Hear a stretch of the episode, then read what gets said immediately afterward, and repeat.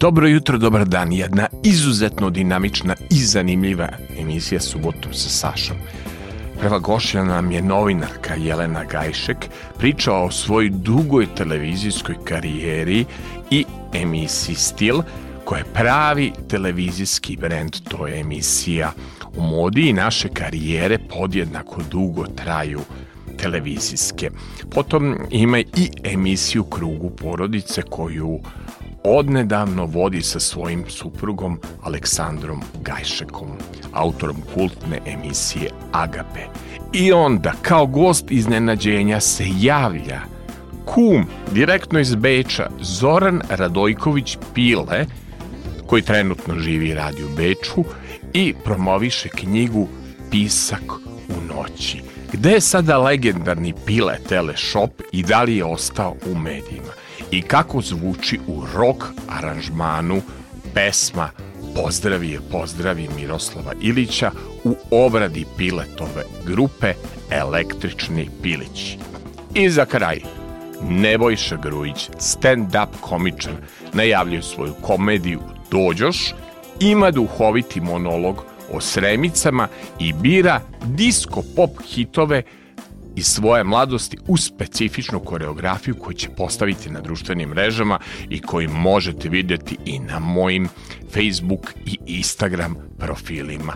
A da, otvorio sam i TikTok. Biće to pravi radio koji se gleda, a da bude sve dinamično i da sve bude sjajno. Tu je moj kolega Tom Majstor Tomislav Tomov za prijatelje zvani Tom Tom će to brzim prstima da izmontira. Red džinglića, red diskaća i ima da se ova emisija pamti. Subotom sa Sašom. Subotom, subotom,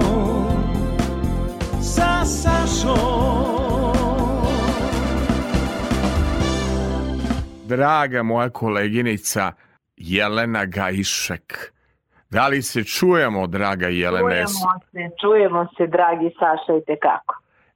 Tako je dobro, eto, da uh, te čujem.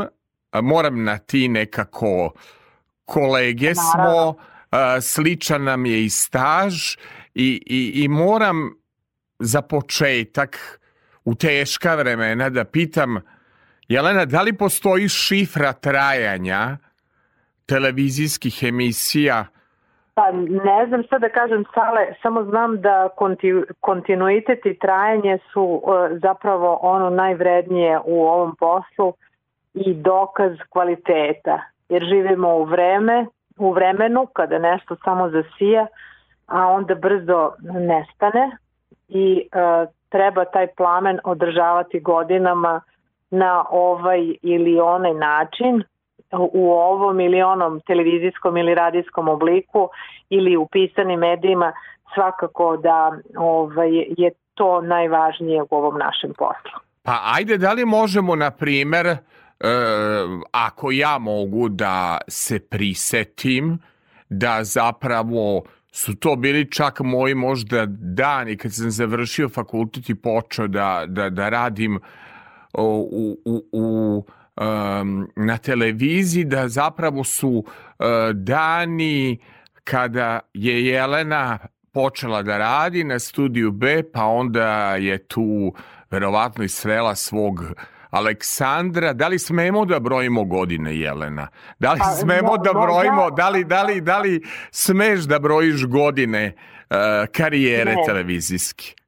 Smem, evo, ova, evo i zbog čega. Zato što sam ja imala tu slučajnost, čast i privilegiju da počnem da radim jako, jako rano. I to je kod mene u pisanim medijima ta 96. odmah na, na, na početku po upisu fakulteta, a što se studija B tiče, to je kraj 97. godine i nekako se desilo da se svi ti konkursi otvore u vreme kada sam ja došla i imala neverovatnu sreću da traže jedan spoj um, u emisiji koja ima i socijalni i kulturni i, i taj fashion modni karakter, to je upravo ono što sam radila u pisanim medijima i eto to traje bukvalno od tada emisije Stili. Mislim da je uh, pored tabloida, jedna od najdugotrajnijih emisija na ali televizijskom nebu. Kaži mi, molim te, pošto nam je ista godina, jel tabloid, ja sam ga, ajde, tako da kažem, bit će malo zanimljivo jezički, ali interesantno. Začet je tabloid u septembru 96. a rodio se 5. oktobra u znaku vage. Ja im je rekao tadašnji urednik NS Plusa, ti si završio političke nauke i novinarstvo izmisli format koji je i zabavan i koji je odbiljan. Kako sad mogu ja da izmislim format koji to...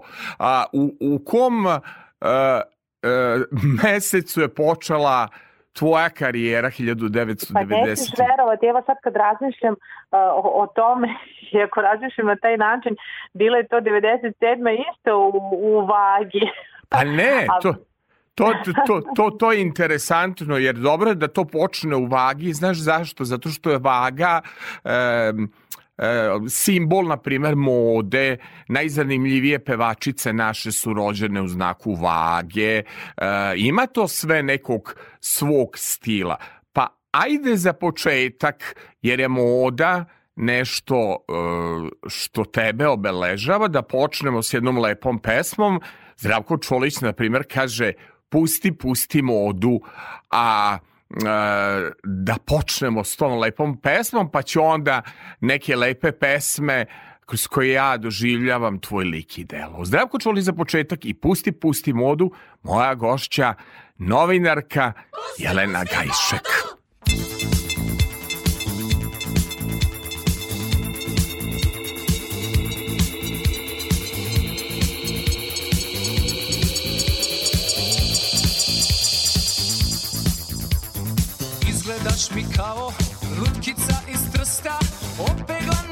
Noću, opegla na danju Cipelice, bluzice,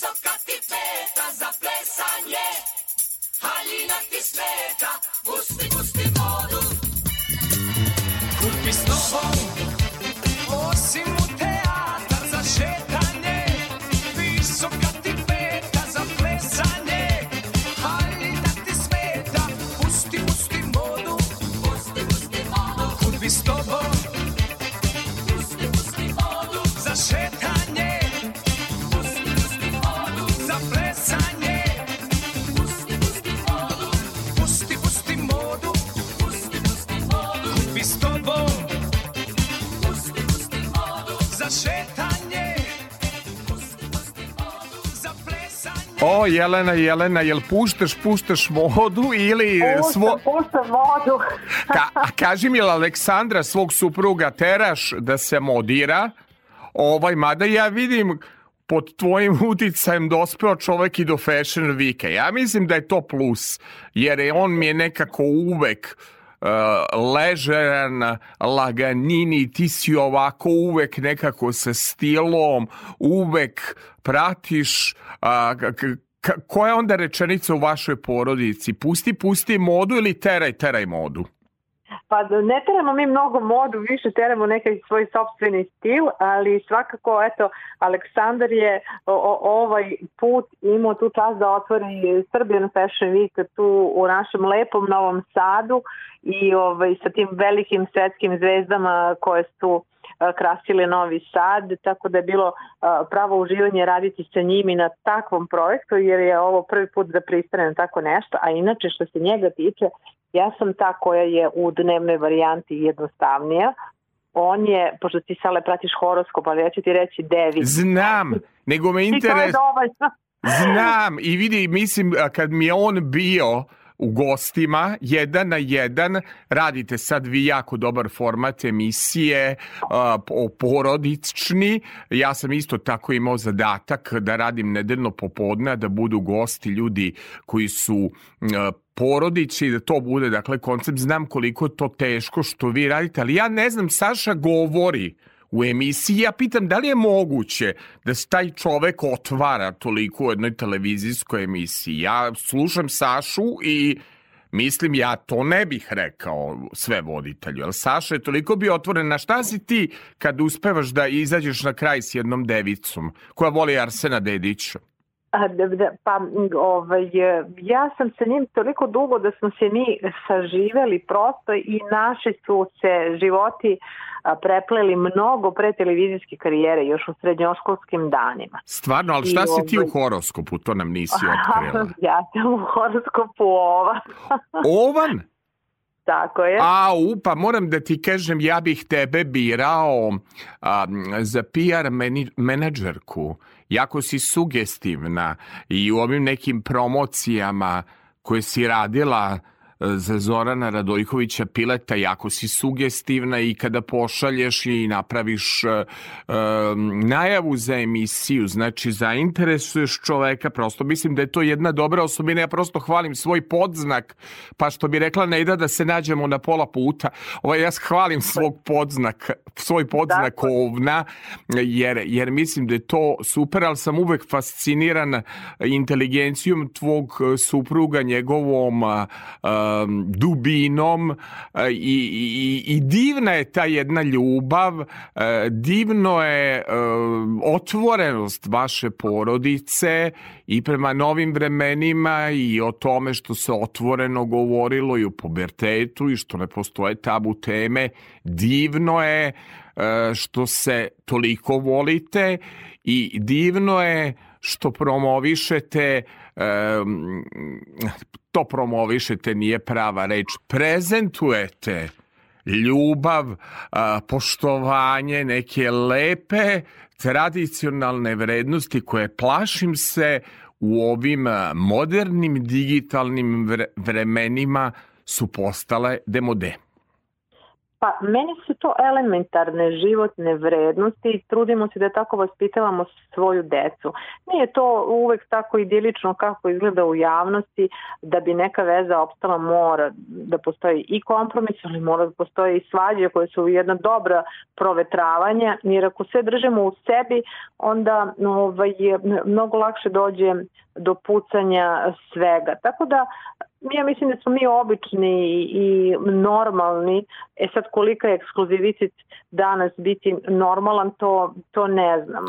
Zaista sve e, što radimo treba da počiva na ljubavi, e, međusobnoj, pa i posao kojim se bavimo isključivo je posao iz ljubavi i sam znaš malo je tu materijalnog koji može da zadovolji potrebe i velike i male porodice u našim zanimanjima tako da je ljubav glavni pokretač svega, a onda ono što dolazi iz porodice, vaspitanje, sistemi vrednosti, ali daleko od toga da mi iz našeg okruženja isključujemo one koji su različiti.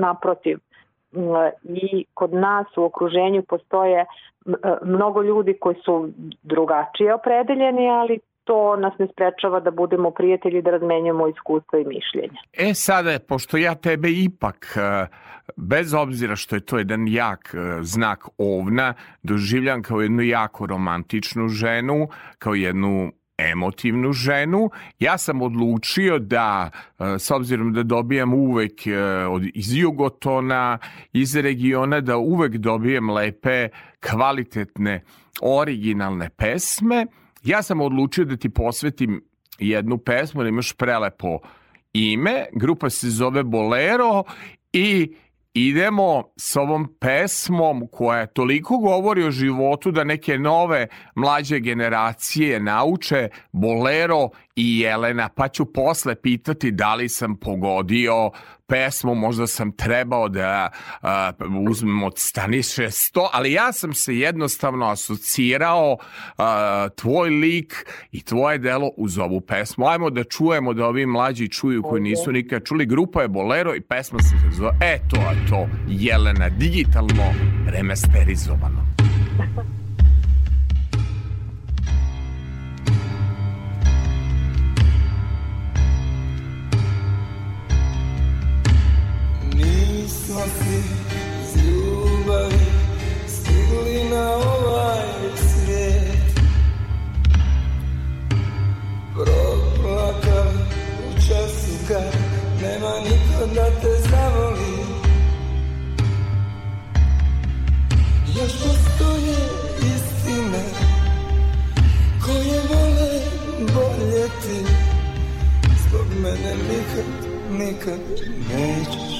plakati.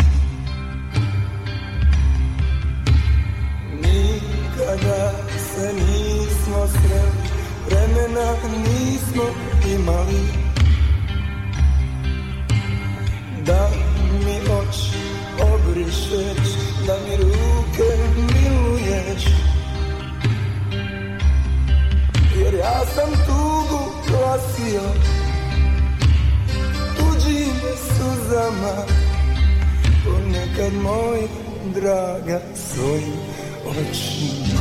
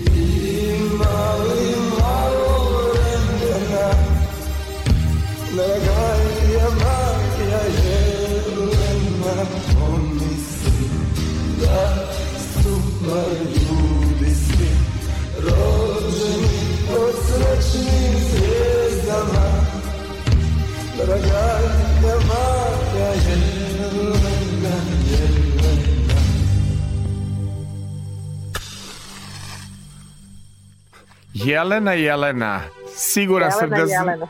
znam da znaš ovu pesmu. Nema je če... Grupa Bolero i toliko mi je nekako jo ima i Mišo Kovač koji kaže o Jelena, Jelena, zašto si otišla, pa volala me je... Ma, Vranjanka, ali ja znam nekako mi je išlo uz eh, tvoj lik i delo ova pesma grupa Bolero. Nadam se da sam pogodio. Kad već... Jes, jesi, Sale, mene ova pesma asocira na pravu neku rusku poeziju i, ovaj, i spoj poezije i opere i dopada mi se jako. Samo sam zaboravila iz koje godine je ova pesma. Vidi, je, to je daleka znam. 1900, na primer, 87. 6. Znači, toliko je pesma, znači, ona iz perioda, to je Sarajevska poprok škola iz perioda stare ovaj uh, Jugoslavije. Ono što je zanimljivo i jako cenim uh, e, šta, ra, šta radite i to, to uvek s zadovoljstvom pogledam. E, posebno mi je m, ova emisija sa m, porodicom Andrić bila lekovita, jer kroz vaše emisije m, kroz emisiju koju radite u krugu porodice, znači ti tvoj suprug Aleksandar, mnogo učim o ljudima koji su iz nekog sveta umetnosti, koji lako ne daju intervjue za televizije i prosto učim o životu i moram da kažem detoksiram se uz vašu lekovitu emisiju. Pitam se, a znam da je jako teško, kako uspevate poznate ljude koji nisu skloni da često dolaze uh, ispred kamera, kako uspevate da ih ubedite i to porodično. To je još teže.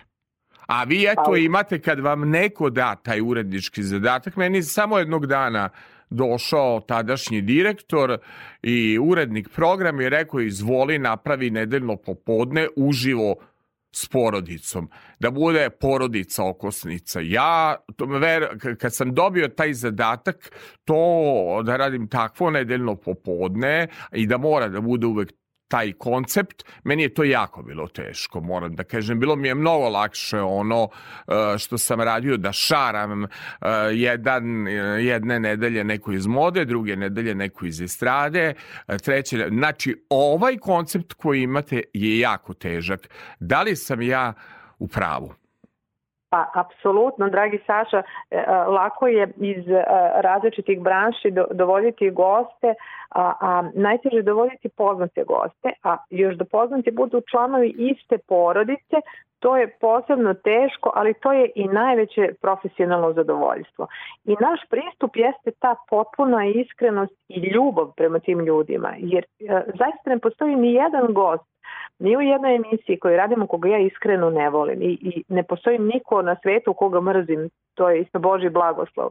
Ali uh, ja te ljude osjećam, osjećam njihovu toplinu i njihovu širinu i objasnim im lepo da moramo da se bavimo suštinskim vrednostima. I jedino što je u ovom društvu trenutno ugroženo jeste porodica.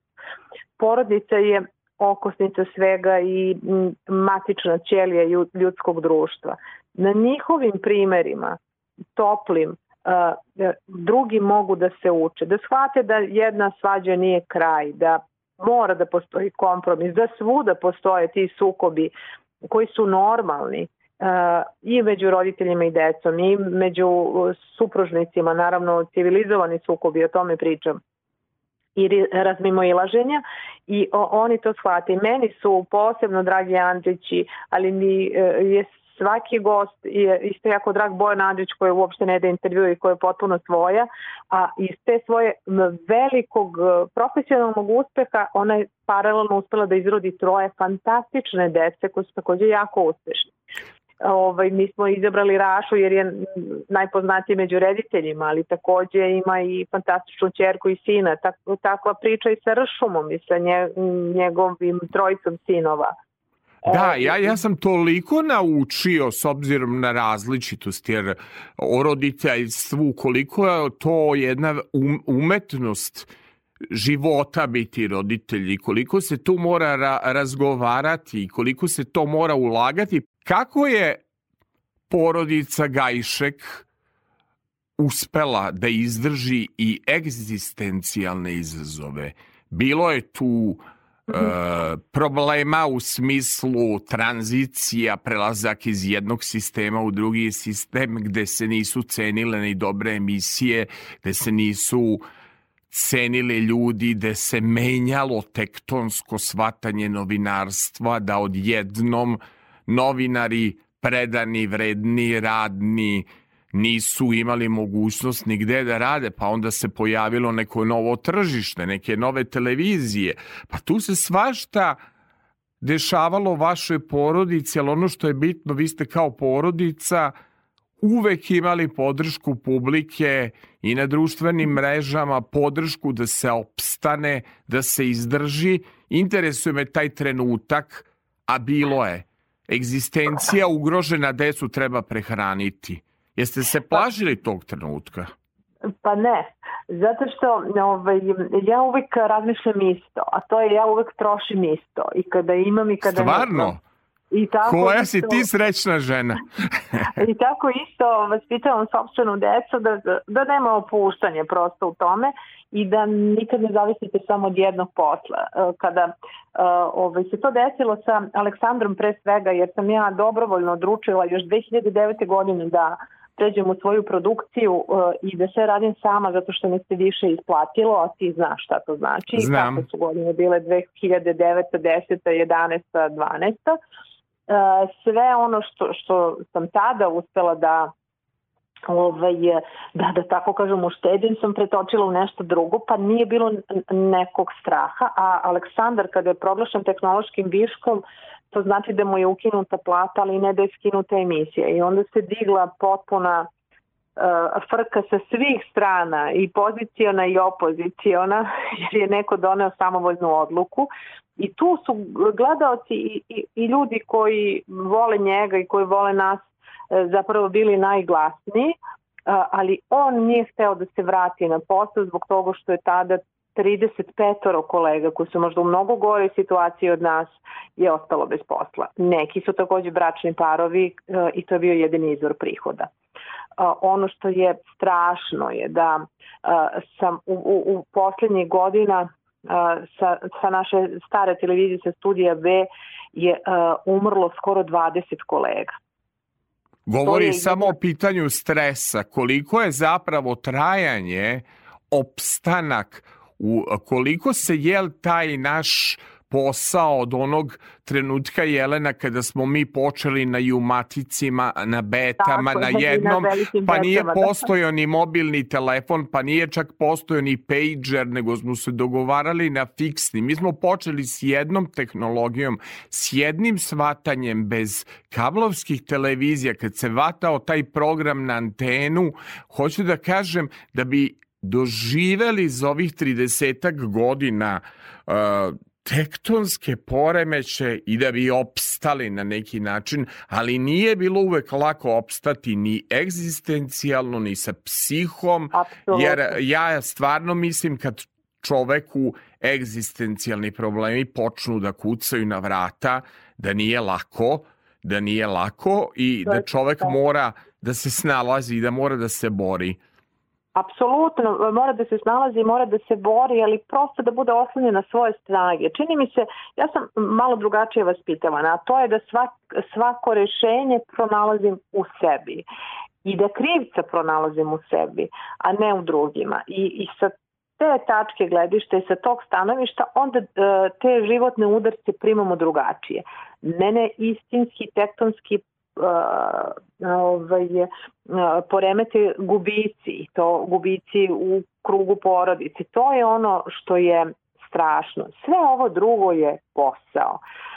I ta, na taj način, tako razmišljajući, ja zapravo gledam da najpoštenije, najbolje uradim svoj posao, da uživam u njemu i e, da se nadam da će to da potraje. I radići tako to uvek dođe do publike i sve vremenom dođe na svoje mesto, tako da se ja uzdam u gospoda Boga i, ovaj, i u svoju vrednoću i talenat, ali taj način vaspitanja i to neoslanjanje ni na koga, na urednike, na političke partije, to, to ne postoji kod nas. Postoji samo ozbiljan, vredan rad i um, put ka publici i ka gledalcima i to je ono najvažnije. Pa, dovoljno je bilo kada sam ja zapravo Aleksandar prvi put upoznao, upoznao sam ga na sajmu knjige kad sam došao do štanda izdavačke kuće i kada sam dobio knjige i kad sam zapravo shvatio s kojim profesionalizmom se radi, a onda kada sam video kako ti lepo radiš i promociju našeg kolege, uh, Zorana Radojkovića Pilate, ja kažem, voleo bih da mi ova žena bude PR menadžer jednog dana. Samo da ti kažem, kum nije dugme i, i to oni, To oni je- moja sira porodica, pošto smo mi venčani kumovi. A kako ste se venčani njega. okumili kad je on, gde ste se sreli? A, Pa Aleksandar i Zora seli su se na televiziji politika davne e, Odatle 95. datira prijateljstvo? Iz tih vremena čak. još iz tih vremena. Pa to je divno. Mi smo krstili njegovu divnu decu, a Pila je sada i deda i ima Znam. um, unuke, tako da su oni moja uh, šira porodica koji uh, žive u Beču i mi gledamo svaki taj slobodan trenutak da odemo do Beča, nama je to lepo, eto, moja sestra je u Italiji, jedni kumovi u Španiji, uh, treća, da je tako nazovem, treća sestra nije rođena, ali je devojka koja se brinula moja mama je čuveni lekar u Njujorku i e, Zoran i Ana, njegova divna supruga su u Beču, tako da je nama zapravo lako. Mi samo svoje da obiđemo i imamo putovanje zagarantovano u toku godine. A, ja sam dugo, evo sad ću ti nešto iskreno priznati, ali valjda e, koleginice služe za to. Dugo sam, e, s obzirom da ipak Aleksandar radi jedan koncept koji je drugačiji od mog, ja sam malo i komercijalniji, volao sam da koketiram i sa ovim i sa onim. I taj trenutak kad sam ga upoznao na sajmu knjiga je prišao i kad smo se rukovali, ja sam zapravo stvarno shvatio koliko je on jedna divna i lekovita duša i da bi mi bio izvanredan e, gost, onako samo sam ga dakle znao kao gledaoc, kao neko ko je pratio, ko je gledao 20 godina i taj neki trenutak na sajmu knjiga gde sam ja prišao da se javim, da pozdravim, da pogledam izdanja, da pogledam izdavačku kuću gde sam ostao dakle fasciniran i nekim drugim radom i nekom drugom borbom, to je bilo tako, a i često u svojim kolumnama oko TV oko pohvalim vaš rad i, i, i, i, kažem često urednici ne mogu više da pratim ove koje su u trendu. Reko, jednu nedelju moram da gledam samo Tanju Petarnek Aleksić i da gledam Gajšekove i da gledam neke druge lekovite ljude i ne mogu da jurim šta je trend na TikToku i ne mogu da jurim šta je trend na YouTubeu.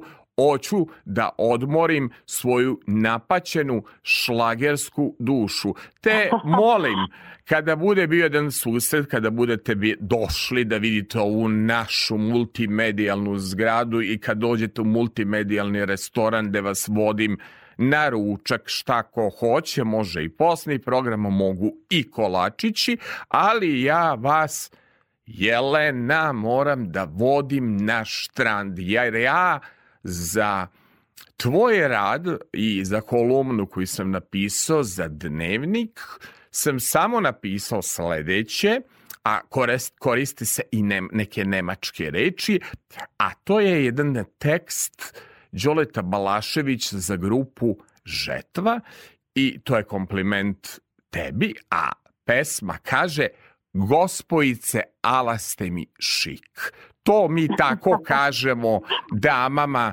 na štrandu koje su iz sveta mode. Evo, naš deki je već ukapirao da skačem po playlisti. Ovo je specijalno za Jelenu Gajšek, gospojice, ovo je ipak gospođa žena i to s kakvim mužem, ali da čuje tekst gospojice, ala ste mi šik.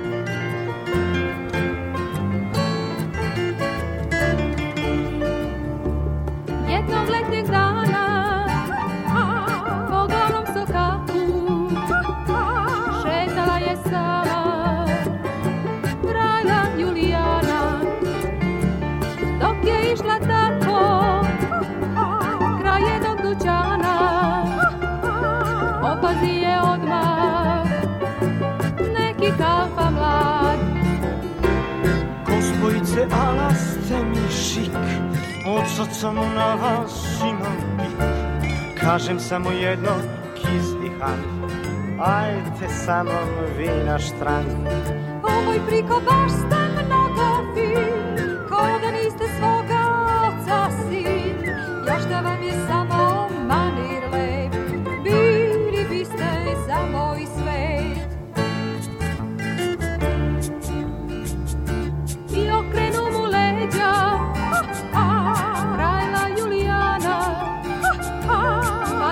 klavira Žurno pođe tad.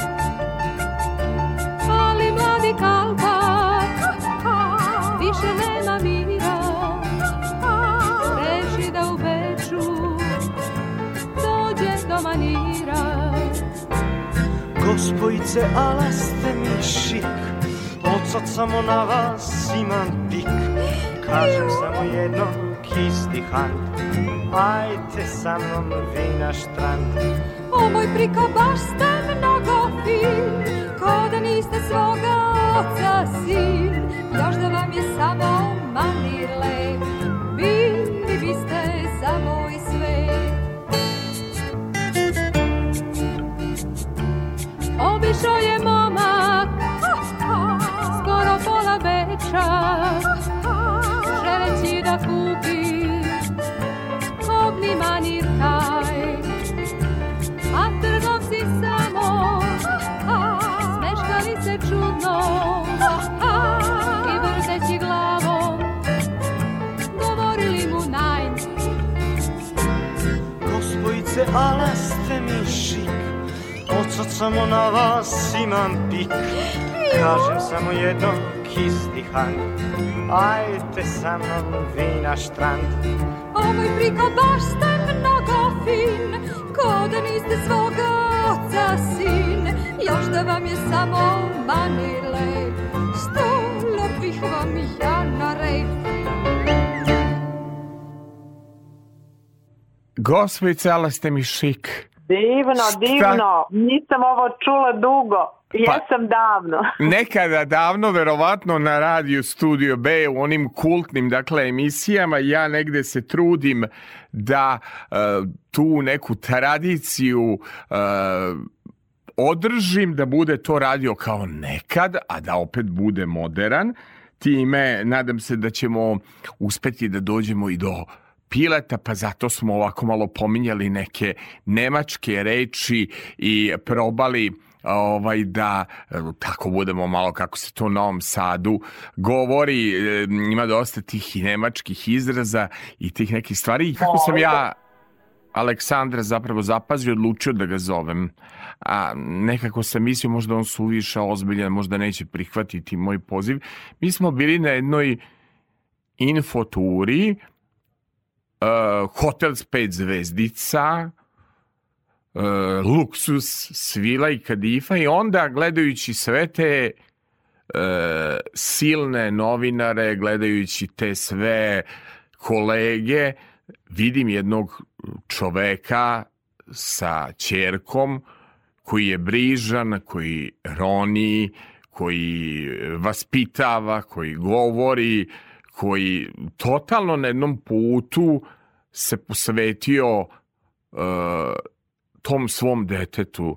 Jel to ta osobina čoveka u koga si se zaljubila i u, u, u tu lekovitost njegove duše. Ja sam onda rekao, e, bez obzira što se zovem tabloid, ja ću skupiti hrabrost i prići ću tom čoveku na sajmu knjiga i pitati, vi ste tako ozbiljni u emisijama, a jel bi vi mogli da budete moj gost? I na kraju pokazalo se da je zapravo Aleksandar Gajšek bio u top 10 mojih najdražih gostiju, jer toliko lepo mi je govorio o životu, shvatio sam da, eto, kroz taj primjer iz te Turske, je li to ta osobina koja je privukla tebe Aci?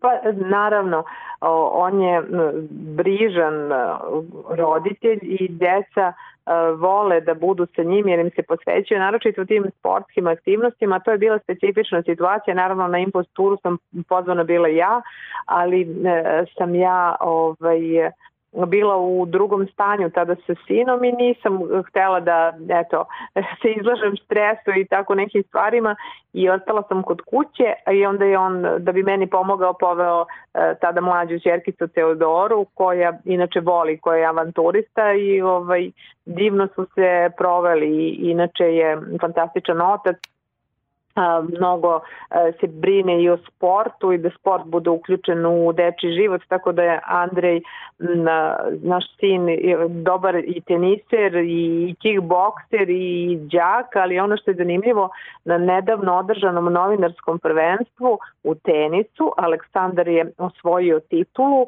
ali nije imao partnera u dublu i izabrao je svog sina, pošto zna kako igra tenis, i onda su njih dvojica ušli u finale dubla. Tako da je Andrej ispao novinar i eto u 13. godini ovaj, sa tatom zaigrao za novinare, iako novinar nije. Ali ti si nama to sve lepo, dakle, na društvenim mrežama i prikazala i rekao sam žena koja je savršen PR menadžer. Ovaj, a zapravo Aleksandar je vrlo otvoreno govorio o deci današnjeg vremena, kako ta deca umeju da se i zatvore, kako umeju ponekad i da postave zid i sve to pubertet i sve to proces odrastanja. Ja samo moram da kažem, mislim da su ipak naši puberteti bili drugačiji, a da su ovo puberteti nekog novog vremena i da svako ko bude bio napisao knjigu o deci novog vremena će da bude značajan priručnik, kao što je i onaj značajan emisiju koju sam ja uradio e, kako upropastiti sobstveno dete e, i ponosan sam na tu emisiju gde mi je gost bio Miša Janketić i pričao svojim nekim iskustvima. Tako da, Jelena, hvala na ovim lepim... Is... A, evo nas izgleda da ćemo uspeti, da, da, da. Gospodine Pile, da li se čujemo? E, zdravo, zdravo, poštovanje. Pa gospodine Pile, znate li vi da ja ovde govorim nemački i da pokušavam vašu divnu kumu i najbolju PR menadžerku na svetu Jelenu Gajšek da bar ovakom vas, znam da se vi jako volite i jako družite, ali imate najbolju PR menadžerku na svetu, ženu koja toliko promoviše vašu knjigu da jednog dana ako budem slavan i bogat, slavan jesam, ali bogat nisam, ako budem sla, o, slavan jesam, kažem bogat nisam, ja ću da angažujem vašu kumu Jelenu da mi bude PR menadžerka bolje od nje nema. Kuma nije pa ja dugme. Pa ja se slažem. Kumo, jel čujete vi ove moje reči? Čujem, ja čujem. Slažem, a ja sam i bogat i slavan. Bogat yes. sam zato što imam dva unuka, ja sam deda. Tako deda. da veće bogatstva, da. Tako ja mlad, ali ja Tako kad sam, mlad, ja da nisam, da jednu stvar moram da kažem Pile, s obzirom da zaista uh, o tvojoj karijeri ti znaš i šta je uh, slava, znaš šta je i zamka novinarstva, znaš da pokatkad biti kreativan, biti talentovan nije najvažnije, da nije nekad važno imati, uh, nekad je važno u životu imati sreću. Ajde samo za početak da kažem, ovo je zaista neobična informacija koju ja to nisam znao, poznat sam kao da sve znam, da zapravo uh, ste vi kumovi I to mi je ne, neverovatna pa, informacija. Da, dolazio je, veruj mi, ovo je isto ekskluziva. Aca i Jelena su dolazili u Beč i krstili su mog mlađeg unuka sasvim normalno, pa naravno, pa Jelena nije ti rekla, ali evo ja ti kažem, eto, baš je ona, lepo. Ona je inače rekla meni u jednom delu razgovora, pošto ona jako e, žena koja je ponosna na svoja kumstva, ona je rekla odakle datira to jedno poznanstvo i prijateljstvo i to je inače u našoj profesiji redkost da se ljudi poštuju, da, da imaju kontinuitet druženje. Ovo je jako lepo što vi imate s porodicom Gajšek, treba negovati kumstvo, treba negovati prijateljstvo. Šta možeš mi reći o Jeleni? Da li je moj utisak da je ona jedna žena zmaj tačan i da li je pa, ovaj da. tačno da je odlična u PR-u, da je u njoj leba ima, za nju leba ima u mnogim profesijama. Jeste, to je tačno. To je jedna žena zmaj, kako si sam rekao, a lako je kum u Aci kad ima nju za menadžerku. A, a do duše meni isto puno pomogla, ona daje prave savete, surova je, surovo je iskrena i kad ti ona nešto kaže, ovaj, veruj mi da je u pravu, tri put razmisli kući, ali opet ćeš doći na njeno, jer ona poznaje tu strukturu naših sadašnjih ljudi koji obitavaju i kod nas ne znam koliko poznaje inostranstvo, ovde je ipak malo drugačije u Beču živeti 10 godina nije lako, ovde su drugačiji ljudi. A mogu reći da je Jelena specijalista za naše narode i narodnosti. stvarno? A ne znam kako bi prošla u Beču, nije dugo bila. Jedno je doći A na kaži mi pet ne, dana. a ima li da ne bude da sve budemo epopeja o njenoj ličnosti, ima li žensku slabost da bar uleti u shopping, ima li neku osobinu, ja sam njoj posvetio pesmu Gospoji Cala ste mi šik, da li je žena u shoppingu, da li je uhvati ono shopping manija, kad Nije. one cene. Jelena nije u shopping fazonu, moja Stvarno? žena je u shopping fazonu. Ko je u shopping Moja žena leči živce tako što ode kupi punu kesu mahom gluposti. Ali Svaka je čast, ali to je najbolji način lečenja živaca. Pa Bolje je to lečiti nego platiti psihoterapeutu. Veruj mi. pa jeste to da... Pa ne bolje to. Hvala, evo, ide Miroslav Ilić, pozdravi je, pozdravi papile, nastavljamo da pričamo, pozdravljamo našu kumu Jelenu i da nam dođe što... Pozdravljam vas, uživajte. Hvala, kumo, Jelena. Pozdravi je, pozdravi, Miroslav Ilić. Neka ozdravi. Neka ozdravi.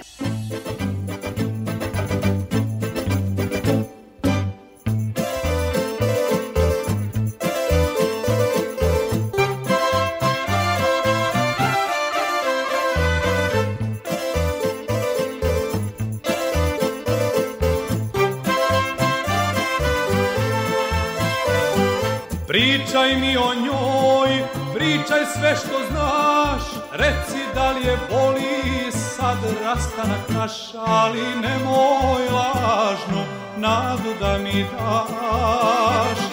Pričaj mi o njoj, pričaj sve što znaš, reci da li je boli sad rastanak naš, ali nemoj lažnu nadu da mi daš. Pozdravi je, pozdravi, volim je ko pre, eh da mogu poslati joj suze, suze bi joj rekle sve.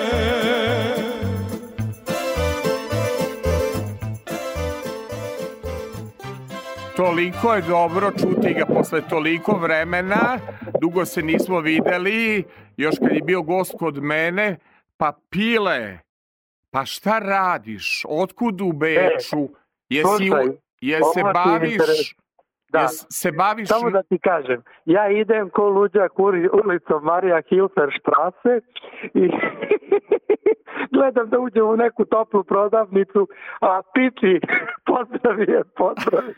I idem ja tako i okreću se ljudi, ovi naši, ovde ima mnogo naših. Da, nego otkud u Beču, da li te novinarstvo to tu odvelo ili splet okolnosti ili ne može samo od novinarstva da se živi, znači otkud ti u Beču? Jasno je da ima tu puno ljudi, ja sam se to dok sam išao u Salzburg uverio da non stop izleću naši koji me znaju sa ovog satelita, sa onog satelita, da puna Austrija, još Beč, kažu da je drugačije, ili te novinarski posao odveo ili neki drugi posao u Beču?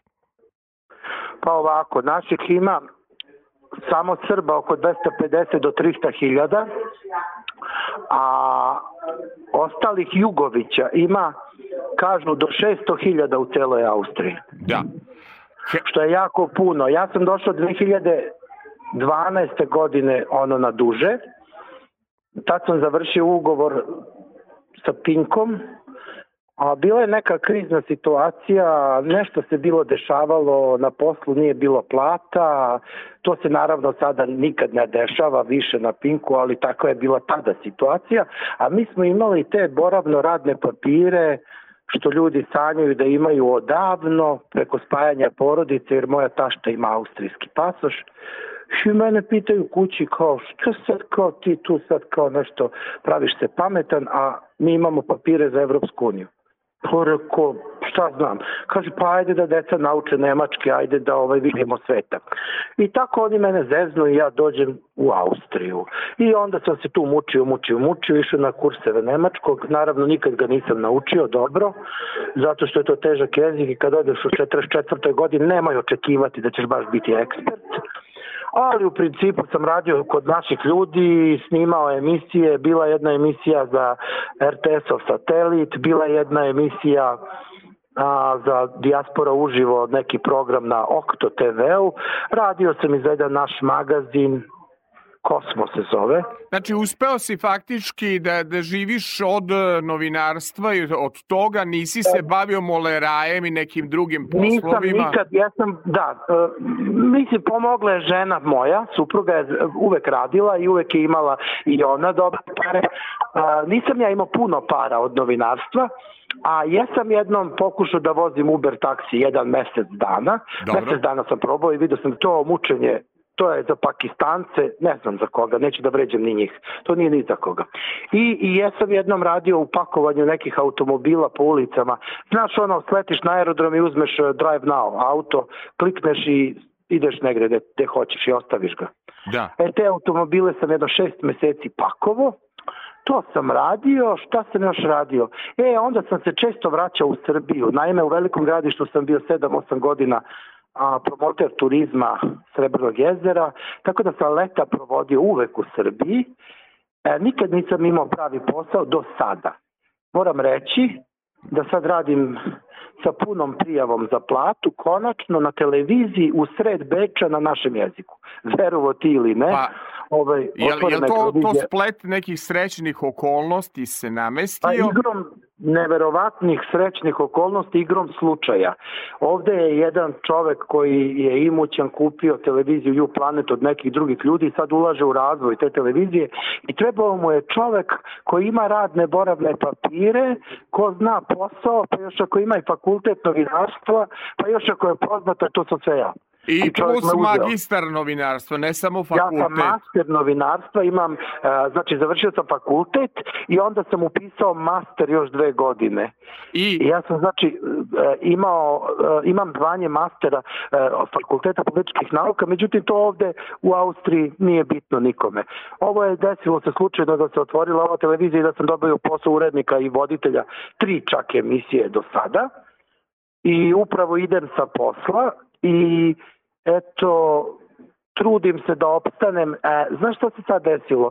Sad je ovde sve poskupelo, neverovatno, I sada te pare koje sad bi rekao čovjek, ja blago tebi, ti radiš na televiziji u Beču, jeste, ali ja u Beogradu imam svoj stan, a ovde preko 1100 eura plaćamo mesečno. Da, da, ja inače sam primetio kada zapravo sam išao do Salzburga da je to zapravo skočilo sve, pričamo i o piću uh, na pumpi ili o čemu god dođeš, da je sve skočilo puta tri. Govorim i za Austriju i govorim za moj uh, utisak kako je ovaj bilo u Salzburgu, ne znam, pre tri godine, a kako je sada. Ono što želim da te pitam za ovu tvoju knjigu, Pisak u noći, uh, Zašto si se odlučio da objaviš knjigu? Mnogo je pohvala bilo da je to priča o, o pomalo je autobiografska i da je to jedna jako lepa priča. Zašto si se odlučio da napišeš pisak u noći? Pa možemo za taj deo reći da je bila terapija. Naime, kad je došlo do korone, ja sam ostao zarobljen u gastarbajterskoj velikoj kući u velikom gradištu u opštini i onda bio sam četiri i po meseca potpuno sam u ogromnoj kući, svi su bili u Beču, ja sam jedini bio tu, tako je ispalo, kad je ono zatvaranje bilo i tako. I ja sam ovaj, već bio počeo da pišem, e onda sam već imao mir i slobodu i nekako je to izašlo iz mene kao neka potreba, kao neki kao neka psi, psihološka terapija. A onda me je nahvalio taj Aca Gajšek, naravno i Jelena, kad su pročitali nastavi, nastavi, nastavi, nastavi i onda ovaj, e, to u stvari jeste romancirana autobiografija, međutim ako ne posmatraš mene kao lice Da. koje piše o sebi. To je priča o jednom dečaku koji je živeo sa parnjačama, usamljen sam, jedino dete na jednoj železničkoj stanici i koji je odrastao sa železničarima, šinobusima, drezinama, pragovima, prugom, otac mu je bio šef pružne deonice, bile su parnjače i onda je taj dečak rastao, rastao, rastao i ta knjiga koju ću ti dobaciti čim budem došao u Beograd, treba da je pročitaš i da je imaš, je napravila meni jedno čudo, naime ja sam se malo vratio u život, psihofizički sam se malo popravio, oslabio fizički, psihički ojačao i izdao je sam izdati u pitanju, platio sam je sam, ovde u, u Austriji sam uradio jako lepo kvalitetno izdanje, U stvari štampao sam je u Nemačkoj i dobio sam 20% popust jer su me oslobodili poreza. Kad izlazi knjiga iz Nemačke u Austriju to ti je melda što je ovo, no, no. znači ovde su ljudi fair još uvek neće da te prevare. Ljudi, ja, ja sam bio spreman da platim i 20% više, dolazi mi uplatnica na 20% manje, lepo je izdanje, bio sam kod Ace Gajšeka Jelena na njihovom štandu Agape Gost, jedan dan samo na sajmu, prodao sam 25 knjiga, bilo mi je jako interesantno, a ljudi vole da pročitaju nečiji život, ne hvalim se da je moj život Bog zna koliko važniji od drugih. Ne, naprotiv. Već je to jedna stvarno priča koja je kao neki film. Čitaš i gledaš slike. Eto. O jednom vremenu koje više ne postoji, o vremenu kad je bio Tito, kad se putovalo na more, Divno. u Hrvatsku, kad ne znam, jedna, jedna duševna knjiga jednog dečaka koji je kasnije porastao, nema pinka, nema estrade, knjiga se završava poslednje rečenice zvaničnog dela su pile telešop, stop. Jer Ti sam Pile Teleshop, stop, Da, bravo. stop. I, i da E, tu sam završio, jer tu, tu Sjajno. emisiju sam ja izmislio na TV politici, gde sam se i upoznao sa Acom Gajšekom i odakle smo i postali drugovi, prijatelji pa kumovi. Divno. To je jedna divna priča o jednom kumstvu, o jednom prijateljstvu. A, kod mene upravo u moje emisije dolaze nostalgičare, ljudi koji vole da čuju i Miladina Šobiće, vole da čuju Lake pingvine i neku drugu muziku. Mi ćemo slušati za kraj električne piliće, dakle tvoju grupu i tvoj Jeste. bend, ali Kako hteo... si se toga? Da, to je bilo pre 100 godina, čoveče Boži. A, ovaj, a hoću da te pitam, mlad čovek s tako bogatim životnim iskustvom, pa ti si mlad čovek da bi bio dede. Ko, ko, koji evo. si godina čoveč? Ja, ja imam 54 godine, imam dva unuka, dve čerke, jedna je glumica u Beogradu, Sara, igra u KPGT-u kod Ristića, druga je ovde, majka dvoje dece i meni je jako drago što sam deda i čuvam te unuke I čuvaš deda? I, Pa mislim Jeste, da ja. dve godine si e, mlađi od mene, ali vidi koliko si postigao interesantnih stvari, Pa kako je tvoja ja, zanimljiva priča. Morat ću E, ja Gajšekove da ubedim da mi o tvojoj životnoj priči napravimo jedan predložak za neku televizijsku seriju. Ajde malo da bude nešto iz života. Da ti kažem nešto, ova knjiga koju ću ti pokloniti, a, kad bi se ekranizovala, može da bude ili film ili miniserija. Opet kažem, nemojte misliti kad čitate knjigu na mene lično. To je neko dete jednog vremena, jedne Jugoslavije, koji je rastao i pravio razne gluposti. Tad nisu roditelji vozili autom decu 4 km do škole sam išao peške sam i ništa mi nije me pojao ni vuk ni tigar i sve je to bilo normalno i detinstvo mi je bilo jako usamljeničko, ali bogato raznim iskustvima te to zaista može da se ekranizuje. Imam čak jednu suludu ideju, zamisli da ubacimo knjigu u veštačku inteligenciju i da zadamo parametre, napiši filmski scenariju. Šta misliš? Šta bi ispalo? Ispalo bi, ispalo bi svašta. Za kraj onda ćemo da slušamo, ako se slažeš, električne piliće i molim te, prihvati moj zahtev na Instagramu za prijateljstvo. Evo, Zapratio da- sam te na svim tvojim stranicama, a i moram da ti Hvala. kažem, kolega, s obzirom da se nismo videli e, desetak godina, pa odlično izgledaš, smršo si, steso si, podmladio si se, verovatno unuci tako pozitivno deluju. Pa, hvala na komplimentima, trudim se, ovaj, autofag je čudo. Jel? Pa ja sam počeo malo da je primenjujem, pa evo već ekipa moja vidi promene, terao me producent da idem u teretanu, reko teretana jok autofagija ću, pokušat ću sve ako može bez trčanja. E, puno ti hvala Pile, nadam se da se vidimo mm, uskoro. E, I hvala ti puno što si izdvojio vreme da nas pozdraviš. Pozdravi je, pozdravi, neka ozdravi. Pričaj mi o njoj, pričaj sve što znaš, reci da je volim, rastanak naš. Ali nemoj lažnu nadu da mi daš. Nisam sreo još slični njoj, a sreo sam žena, ne znam se broj.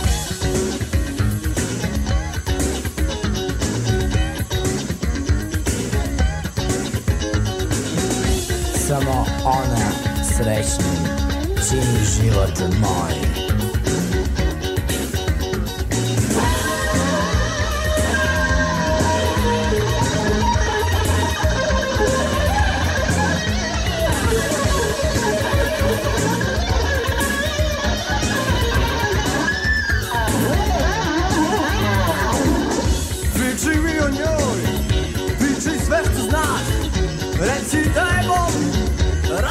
Naš. Ali nemoj lažnu nadu da mi daš. Pozdrav je, pozdravi, volim je ko pre. Eh, da mogu poslati joj suze.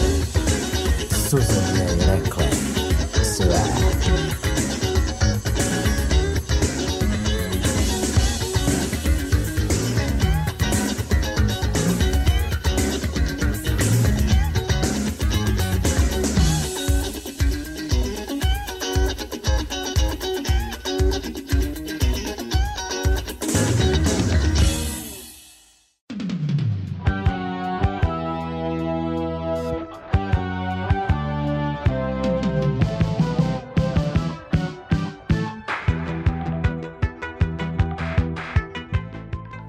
Jao, jao, kakva emisija, dugo ga te čekah da mu kažem sve u lice. Moj komšija stand-uper, čovek koji mi se javio na društvenim mrežama i kaže, komšo, kako si?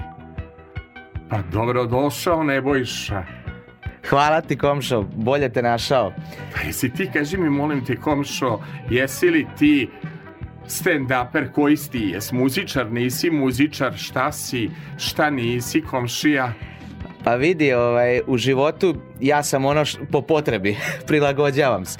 E, Šalim se malo, ja sam stand-up komičar. A, objasni mi, ja želim, vidim ja da ovo postalo novinarstvo, čudna neka profesija, jel tako?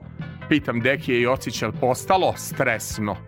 Jao, ali je postalo stresno Deki, te ovaj e, piše mail ovakav, te onaj hoće da gostuje na silu. Jao, deki, sreća što mi radi moj drugar detelinarac, što se znamo još iz onih dana osnovne škole Dosite Obradović. Bi, nisam mu bio predvodnik, a mogao sam biti pet godina razlike.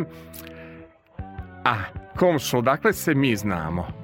S bulevara. Kako se znamo? Da sam ja išao da... E, moram sad da Dejanu ispričam jednu tajnu. Deki, ja inače, bez obzira što sam bio ono što kažu zvezda i uvek sam zvezda. Ja nikad štampu kupovo nisam. Ko velim, ajde bolje u mesaru da uzmem neki batak, karabatak, neku džigericu, nešto, nego da kupujem. I onda je postojala, jel, trafika, više ne postoji kod paje i onda sam ja zajmio novine, rekao što da bacam pare za tabloide, za glorije, za storije, sve je isto i ja zajmim novine i verovatno me znaš iz tog kraja, iz te ulice da sam ja uvek bio s novinama, jel? a ja se znamo iz kralja Petra.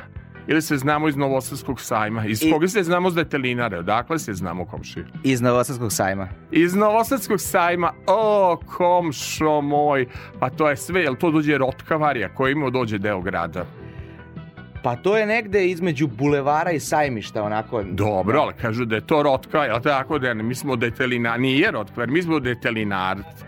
Bravo, evo šta je autentičan novoseđanin, ono lopta kao na košarkaškoj utakmici Banatić komšija. Jeste, mi smo Banat. iz Banatića.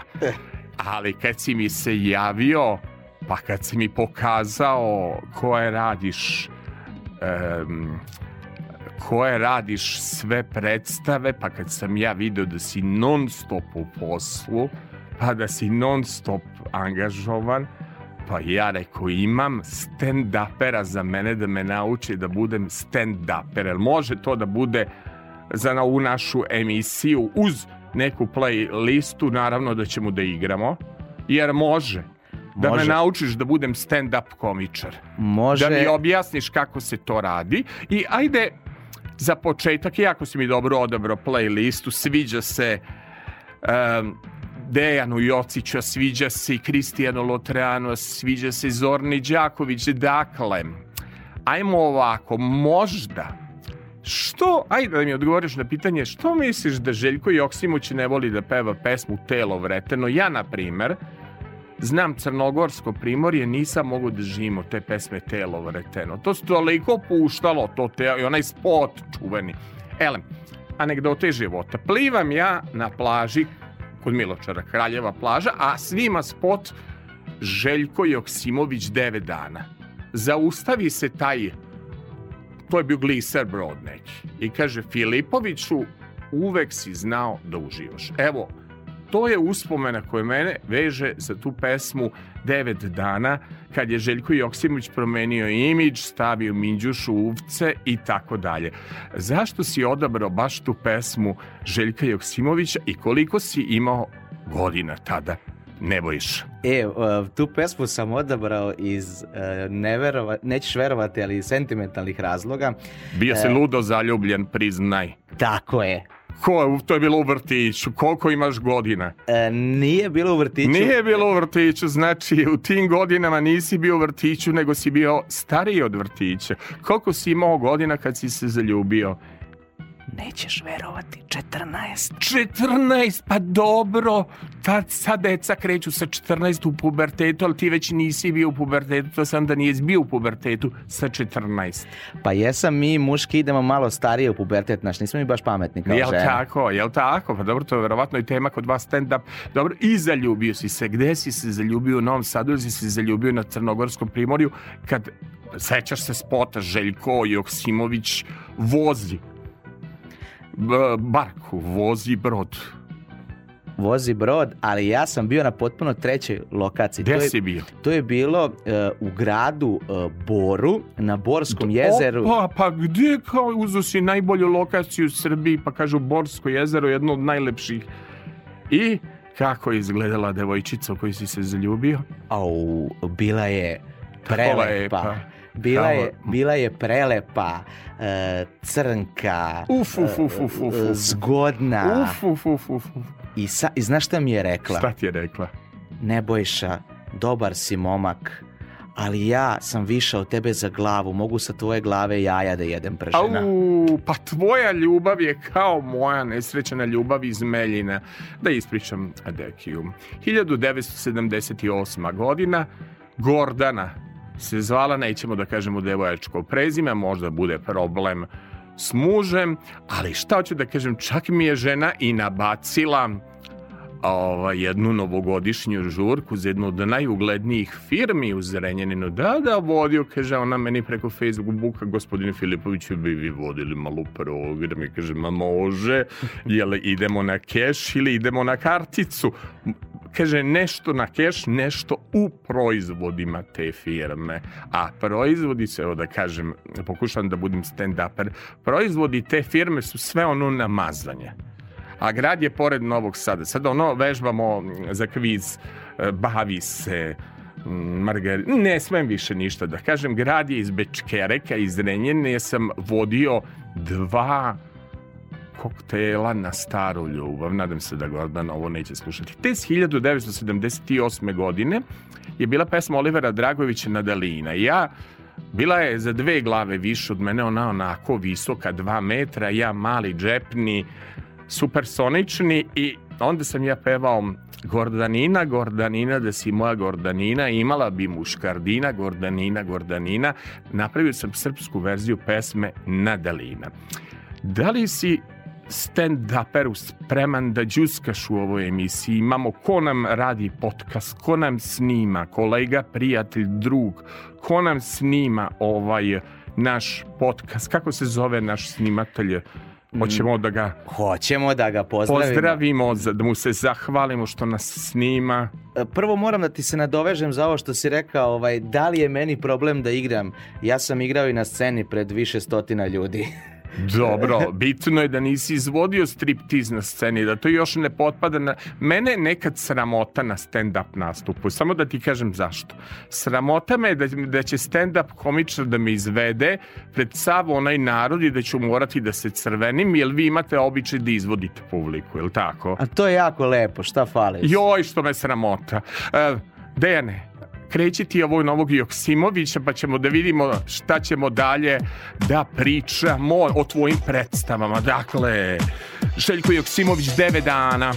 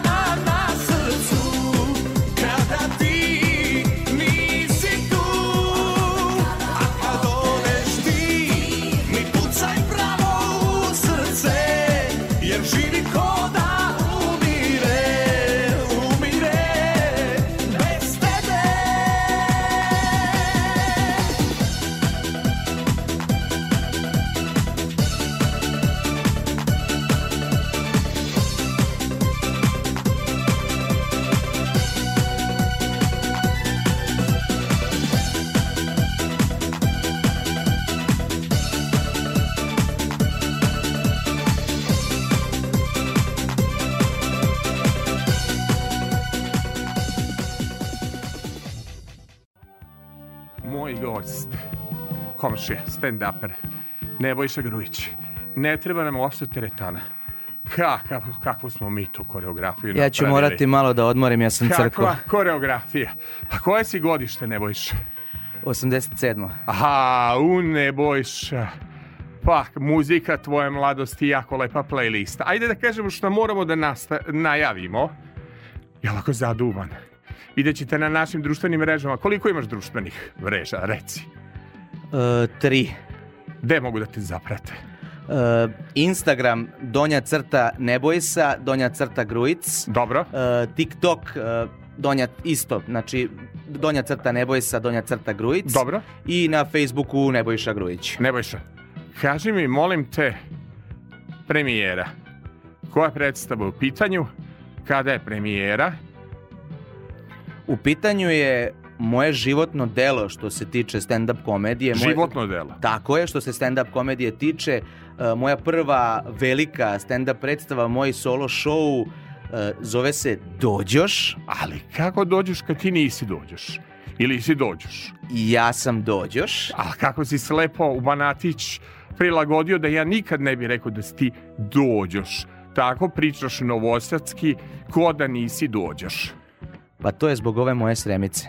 Zbog tvoje sremice, jel te već zašrafila tako mladog? Što vi volite mladi da se šrafite, ovaj, to je neverovatno. Kako te je sremica? E, jel su svi vic- vicevi o sremicama tačni? Jel stroga? Mnogo je gore od toga. Gore od toga. I šta pričaš o dođošu? Ajde pokušaj sve one koji bi došli na tvoj stand-up da malo budeš najavljivač E, pa, svoje predstave. Svašta, evo prvo pomenuli smo, znači moj život sa Sremicom je jedna od, Jel? od, od glavnih tema. Divna ti je tema toliko od to, o tome, mo, a niko nije obrađivo, a životna tema. Vrlo životna. Kakav ti je život sa Sremicom? Pa pre... Što kažeš, že otići ćeš u raj, pošto je verovatno sa Sremicom egzotično. Nećemo ništa. Pozdrav prema dragoj Sremici uz jedan lep poziv. Devojko, ženo je, ne moraš ni ime da kažeš, možeš doći s drugaricama da biraš muziku zbog ovih prozivanja na talasima Radio Novog Sada, te i u video podcastima. Dakle, ta divna žena ima poziv od mene, jer su Sremice temperamentne. Kakav je tvoj život sa Sremicom koji te inspirisao za stand-up? Pa, vrlo zanimljiv, vrlo interesantan, prosto stvari su se nekako sa njom promenile. E, Pre nje sam imao crnu kosu, sad sam ozbiljno prosed. Jel? A, nemoj da kukaš pošto si se lepo ugojio. Mislim da te lepo hrani, znači ne vidim razloga za plakanje i za kukanje i ne izgledaš mi uopšte loše. Deluješ mi da imaš i tri obroka, da bude i užina i da bude i repete. Marenda, ne, marenda. marenda, ne izgledaš mi uopšte tako propao. Imate da te baš toliko muštra i šikanira, ne bi ti tako lepo izgledao u svojim dobrim godinama. A grešiš, ja jedem od stresa. Od, bravo! Ja, ja ću da, da, da za čuvar noći dovedem psihoterapeuta da bih dokazao, tema će biti da informišem samo moju Zornu Đaković. Tema će biti zašto mi nakon stresnog perioda završimo ne u švrljanju i lajkovanju po društvenim mrežama. Ja konkretno posle stresa, kad imam stresne goste i stresnu emisiju, znaš kako ja završim? S Pavlakom i Sajvarom. Tvrde da sam bio viđen da noćim s Pavlakom, feta sirom, trapistom, kulenom, šunkom. Da li ti tako noćiš? A izvini, moram, ja, mogu ja tebe nešto da pitam? Pitaj me. Je li običan ajvar ili cepkani? a, koji se nađu u frižideru. Aha. A, a, a, za moj frižider je najbolje da nemam ništa. Dakle, ajde da mi, o, o, dakle, jedeš na psihosomatskoj osnovi. Tako o je. tome govori predstava. E, Čemu još govori predstava? Aj prvo da najavimo Pa predstavu. predstava govori bukvalno o mom životu u, Novi, u Novom Sadu. Dobro. e, gde sam se ja doselio Ti pre... si se odakle do Ja sam se doselio iz Loznice pre nekih, ma možemo reći, već Au, 20 Ti si godina. čuveni uz Dragana Kojića, Kebu i Maju, onu iz grupe Luna. Ovaj, pa ti si čuveni lozničani. Ja, moram, A, ja ti moram ja- reći da ja ovim putem pozdravljam Kebu. Ja ga imam u svom nastupu, ali samo u superlativu da pokažem da mi imamo poznate i- prave ljude. Dobro, ja moram mogu... uh, Branka da pozdravim čoveka koji čuvao noć, arhitektu, uh, Branko Novković, tako, on je iz Leš, da li to možemo da priznamo za Loznicu, Lešnica, Tršić, Korenita, Možemo, možemo. ovi, gde ja vučem po, po, po ženskoj liniji poreklo vučem iz Loznice. Kakvi ste vi iz Loznice u Novom Sadu? Kad vas uhvati sremica? Pa ćutimo, šta da radimo? Ćutite. Ćutite. Dobro, dobro, dobro. Ajmo dalje, dalje sa muzičkim numerama. Znači, kad je predstava? Dare? Predstava je, evo sad, Brzo, posta, posta. predstava je 14. 12. uh, u 20 časova u Kulturnom centru Novi Sad. Karte se mogu nabaviti preko Geekstixa. Ja bi se samo kratko osvrnuo, pošto si me pitao za teme. Ajde, Raznih tema ajmo. imam, ali tu smo primer? Futožani, Veterničani, Temerinci, Limanci. što je dobro. Ima detelinaraca, nemoj da mi se deki ljuti. Ima li detelinaraca? Ima uvek, pa ja sam živeo na detelinari. Stvarno dobro. Jel znaš kad kažu, kad sam razgovarao sa jednom Dobro. devojkom, ona je sa nove detelinare, a ja sa stare i kaže ona meni to nije isto. Pa rekao, u pravu se ljubav nije, kod nas ima parkinga. Bravo, tako je. Kaži mi ponovo, dakle, te teme, si sve rekao šta je u predstavi, jako interesantna tema. Biće još tema o mojim poslovima u Novom Sadu, o mom detinjstvu u Loznici. I šta si sve radio? E, ajde to posle muzičke numere, može? Naravno. A, kako se predstava zove? Dođoš, Dođoš. tvoj prvi autentični stand, jel? Imao E, si svoje neke, bio si... Moram samo mala digresija. Svaki stand-up je autentičan i svaki moj je autentičan, ali ovo je moja samostalna predstava. Prvi put sam sam. Aha, pošto sam te viđao često na društvenim mrežama i često si me zvao da dođem na stand-up komedije, pričat ćeš mi u kojim nastupaš stand-up komedijom, ali ja sam u strahu da ćeš da me izvedeš i da ćeš da me izbrukaš pred onim ženama i onim ljudima. Mene je sramota, evo, otvoreno kažem u etar, sramota me da me izvede. Ne znam šta će da radi na stand-upu, da me pravi šašavim i glup. Ne smem, strah me. Ništa neće da te boli. Joj, strah me, ajmo Dene sa sledećom muzičkom. Au, to je ta kolonija. Tu dibu, dibu, dibu, da. Kolonija Indira Vladić.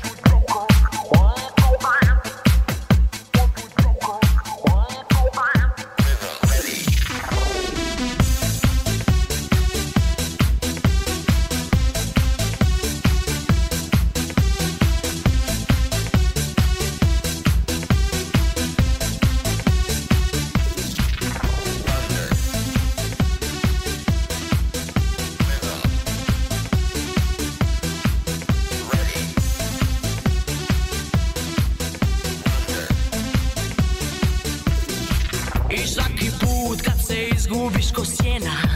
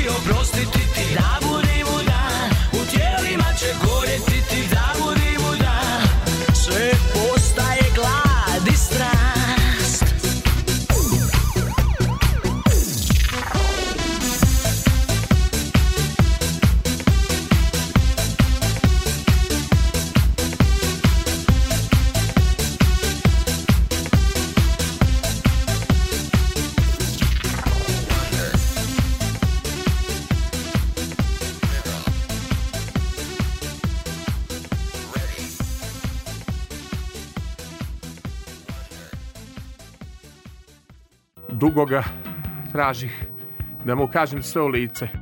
Komše, izvini, treba da gostuješ u svim mojim formatima. Treba mi malo humora. Hvala. Moj gost Nebojša Grujić. Nebojša imali nadimak. Nebojša, Neba. Nema. Gru, grujač. Grujač, ala ti je dobar nadimak. U kojim si sve stand-up uh, igrao predstavama do sada? I, i kako izgleda život stand-upera? Evo, kra- kratko ću o svemu. Dakle, ja vodim, pored toga što sam nastupač i komičar, vodim organizaciju, uh, novosadsku organizaciju komičara koja se zove Komedija, Komedija Novi Sad uh, i sa mnom je čine moje kolege komičari Žarko Medar Cubaj i Dušan Varničić i sa njima igram dve predstave. Jedna se zove Vojvođansko veče. Kako izgleda Vojvođansko veče? Nijedan nije iz Vojvodine. Dobro. Šalim se, imamo, imamo Sremca pravog Šiđanina, imamo mene dođeš, imamo jednog pravog pravcetog novosađanina Bosanca. Dobro. I koja je sledeća predstava? To je Imamo muško-ženske odnose I? ko- koje Dobro. pored njih radimo sa još jednom koleginicom. to je koleginica stand-uperka. glumica, sjajna glumica Marijana Aranđelović, jedna fantastična beogradska komičarka koja sa nama radi muško-ženske odnose i Evo, ja imam ovaj sad svoj solo show, Dušan Varničić ima svoj solo show i u planu su nam još neke predstave, nastupamo bukvalno svugde po zemlji i E, regionu. Reci mi, pošto mi je problem zaista da te pronađem, mislim u smislu toliko si upokretan, ne znam ni kad ustaješ, ni kad si na društvenim mrežama. Jako čudan čovek. Kad ga tražim noću, nema ga noću. Onda mi se javi u 8 ujutru, pita jer danas emisija. Znači, tvoj bioritam niko živi ne može da uhvati. Ali pošto ja znam bioritam prosečnog stand-up komičara, da je to uvek život na točkovima, da su to stalno gostovanja, da li sam ja u pravu da je tebe teško uhvatiti kad si u Novom Sadu, kad si na nekom gostovanju, da to nema pravila ni bioritma taj red vožnje stand-up komičara. Moja sremica kaže tebe čovek ne može uhvatiti ni za glavu ni za rep. I napravio si stand-up komediji o toj ženi, a treba da joj podignemo spomenik. Da je ovde zovemo multimedijalni restoran radio televizije Vojvodine, da joj damo najlepše kolače i da joj kažemo svaka ti čast sremice naša što istrpi ovog Nebojšu, ovog stand-upera. Ti si za orden narodnog heroja I ja... ja- ću da je zovem i da joj kažem čestitam ti što živiš sa stand... Verovatno ti je poguban šarm komšija kad uspeva da te toleriše. Ili ona kao sremica ima svoje mere disciplinske, pa ti to robijažeš što bi rekli na suvo. Priznaj, priznaj ako smeš u etru, a nisi u stand-up komediji. Priznaj, priznaj. Priznajem odmah, sremice se rađaju sa disciplinskim merama. Jel tako? Te, tebi treba disciplina, jer te niko ne može uhvatiti ni za glavu ni rep. Pogotovo ako te čeka u formatima um, Znaš li ti koliko sam ja kila dobio čekajući tebi? Tebi, ti, ti si izgubio osjećaj kad su vikendi, kad su subote, kad su nedelje, izgubio si osjećaj kad je subotom sa Sašom, izgubio si osjećaj kad je sreda, kad je četvrtak, kad je noć, kad je jutro. Ja mu kažem, molim, komšija, pošaljite mi pripremu na mail, to traje jedno tri nedelje. Iz- izvini, koji je danas dan? nije vidno danas, e, ja sam primetio i onda sam u šoku. Ja zbog ovih vremenskih e, situacija se probudim rano ujutru, da ne kažem ko vampir, javi se on meni u 8.30 ujutru, jer komšija, ja bi da dođem poveo bi i ovog influencera malo da snimim, ja bi da igram, ja bi da pevam. Ja bi rekla Severina, ja samo pevam. Ja kažem, komšija, neću da ti opisujem koliko nedelja se dogovaramo i koliko sam zbog tebe završio na čvarcima, koliko si stres za moj lik i delo. Ali ima šanse da se ispraviš. Pustit ćemo sad jednu pesmu koja ima veze sa Loznicom. Grupa Luna, jel tako? To Čeda Čvorak, a, Maja Marković, čini mi se da se zove. Jeste. A, e, oni imaju jednu pesmu produkcija City Records. Zašto je specifična mm, pesma, a nije ovaj, Lorka? Jer u sebi ima, svoj ja pokažem pamet, zeleno, Tako je. volim te zeleno. Zašto si odabrao grupu Luna i pesmu Zeleno? Čini mi se da je to pesma, u, ili ćeš ti da kažeš? Ja ću da kažem, nije problem. Mi smo to imali foru, ja sam bio, eto da kažem, neki početak srednje škole kada je to bilo i drugari i ja smo brojali I ja sam brojao i 69 puta ona kaže zeleno oko moje zeleno. A, da li imaš papirče, olovku pitam mog ton majstora, ga ono kao kad se igra tablić, pa da brojiš grupu Luna, koliko puta je Luna rekla zeleno. Evo, pripremam Ali pažljivo. ton. Ja sam siguran koliko ona puta kaže zeleno. 69. 69 puta kaže šteta što su se raspali, to je kao i sve grupe kad ode harizmatična pevačica, ode grupa u propast, a baš su bili Grešiš kad ode harizmatična lozničanka. A jeo, harizma, vidi, opasan si ti, voliš i loznicu da braniš, uvlačiš se lagano sremu, a Banatić i Detelinaru si već prisvojio kao svoje, a tu mi se prodaješ kao neki dođeš. Ne, ti si naš autentičan novosađanin na koga smo mi ponosni. Bravo, bravo, Detelinarac kreće sa zalunom zeleno. Idemo na zeleno.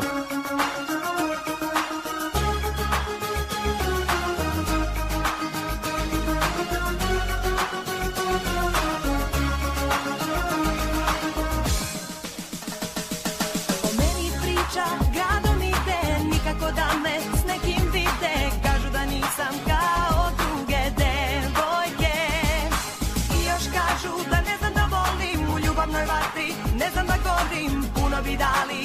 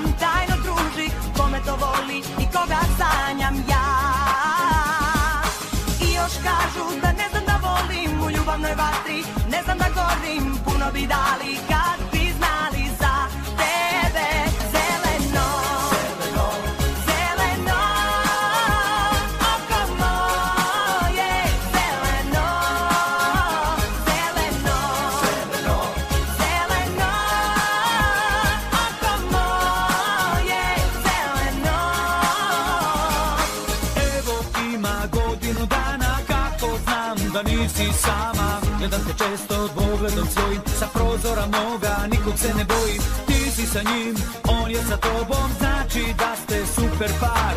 Priznajem već što lažeš druge, a mene ne, ne, u tome je stvar. O meni priča, gradom ide Nikako da me s nekim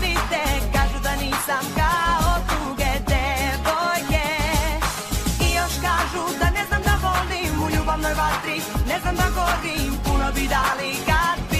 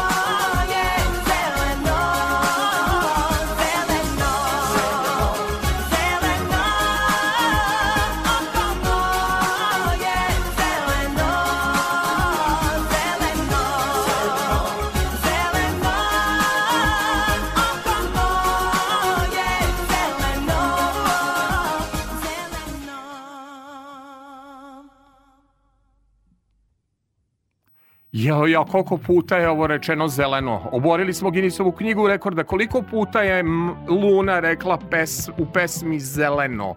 Tačno 69. 69 puta. E, reci mi šta si ti kao 1987. godište radio u životu pre nego što si bio stand-up komičar. Ti si meni neku bio, ja se izvinjam, pa ti si se pripremio, rođen si u Loznici 1987. godine, a sa 20 se preselio u Novi Sad. Radio si razne šiljakerske poslove. Šta si sve prodavao?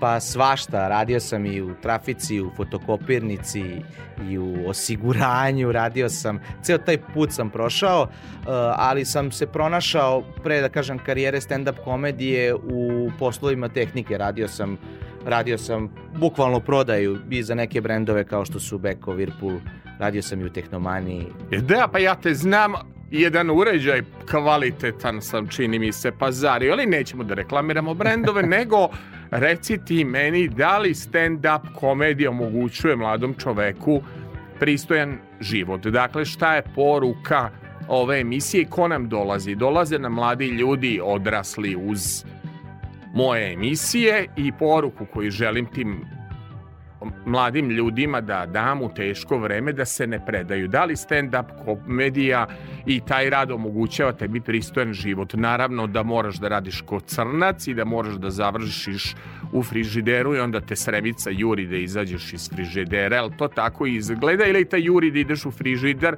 da ne skomolaš gladan kad doneseš novac kući. Dakle, um, Juri me da izađem iz frižidera. šta stand-up komedija donosi u tom egzistencijalnom smislu? Može da se živi od toga. Da ne moraš da budeš da prodaješ od igre do, od igle, od igle do lokomotive, može da se živi od toga. Pa može, ali stand-up komedija je, prosto moramo to objasniti, stand-up komedija je širok pojam. Dobro. Ima ljudi koji se bave stand-up komedijom početnički, idu na te večeri kao što mi ih nazivamo open mic, Da, da, e, da. veče otvorenog mikrofona. Do toga e, da li neko živi od toga, ali može se Ne, da li ti konkretno živiš od svojih nastupa i od ovog menadžerskog posla, dakle da li moraš u slobodno vreme da radiš još dodatni posao ili nije pitanje koliko imaš, to nije pristojno pitanje, nego je pitanje da li bi savjetovao mlađim ljudima koji su talentovani da idu stand-up komediju, da li od toga može da se živi i zapravo tvoj, tvoja i karijera je počela posle jednog nastupa u jednom show programu televizijskom, tako je, jel tako je, tako je. Koliko Tako se je. ja sećam Jeste. komšija, a sećam se ovaj, e, i onda je krenula, ta, kad je zapravo krenula karijera Pa kari- stand-up komičara? karijera, mislim karijera, taj neki početnički nivo je krenuo neke 2000, ajde da kažemo 16. 17. godine, ali e, sve na nekom većem nivou krenulo od te naravno borbe moje da postanem to što sam danas i što ću tek biti, nadam se da ću to postići, mukotrpno ću raditi i dalje, neke 2021. godine. Ali moram da se nadovežem, pored pitanja da li neko može da živi od stand-upa, može, ali pitanje je da li neko želi da živi samo od stand-upa. Ja, na primer, i dalje imam taj svoj uh, main job, uh, stižem da uklapam i to je firma uh, koja je meni dala onako krila i vetar u leđa i mnogo sam iskustvom i radom u toj firmi uh, dobio i na samom stand-upu uh, i ta firma mi je inspiracija za stand-up. Ja radim u kancelariji sa pet žena, tako da... I- sa pet žena tako radiš. je. I pored karijere i uspeha, verujem da nikada neću napustiti taj posao, zato što mi je taj posao dao mnogo i danas mi daje. Dobro, pa onda ja ovaj, pokušat ćemo ako se slažeš. A kaži mi ja, da li su te žene naučile da pleteš?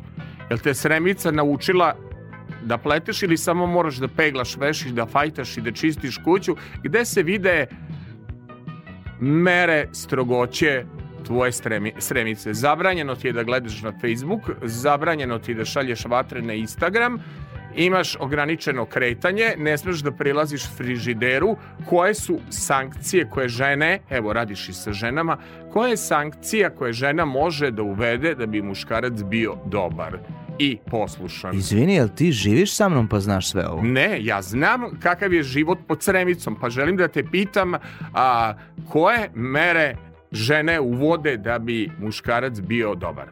Pa njoj ne trebaju mere, ja nju toliko volim, mene ne zanimaju druge žene. Ne zanimaju te druge žene. Apsolutno ne. Ne zanima te ni jedna pratiteljka na društvenoj mreži. Nisi nikad primio vatru, nisi nikad dobio uh, udvaranje posle dobrog nastupa. Pa vi, komičari, ste poznati po harizmi. Pa ko što je Bregović uzeo da se vira gitaru da bi bio, da bi voleo popularnost, ima svoje cene. Ti si skroman, ala te Je. sremica dovela u red. Subotom, subotom, sa Sašom.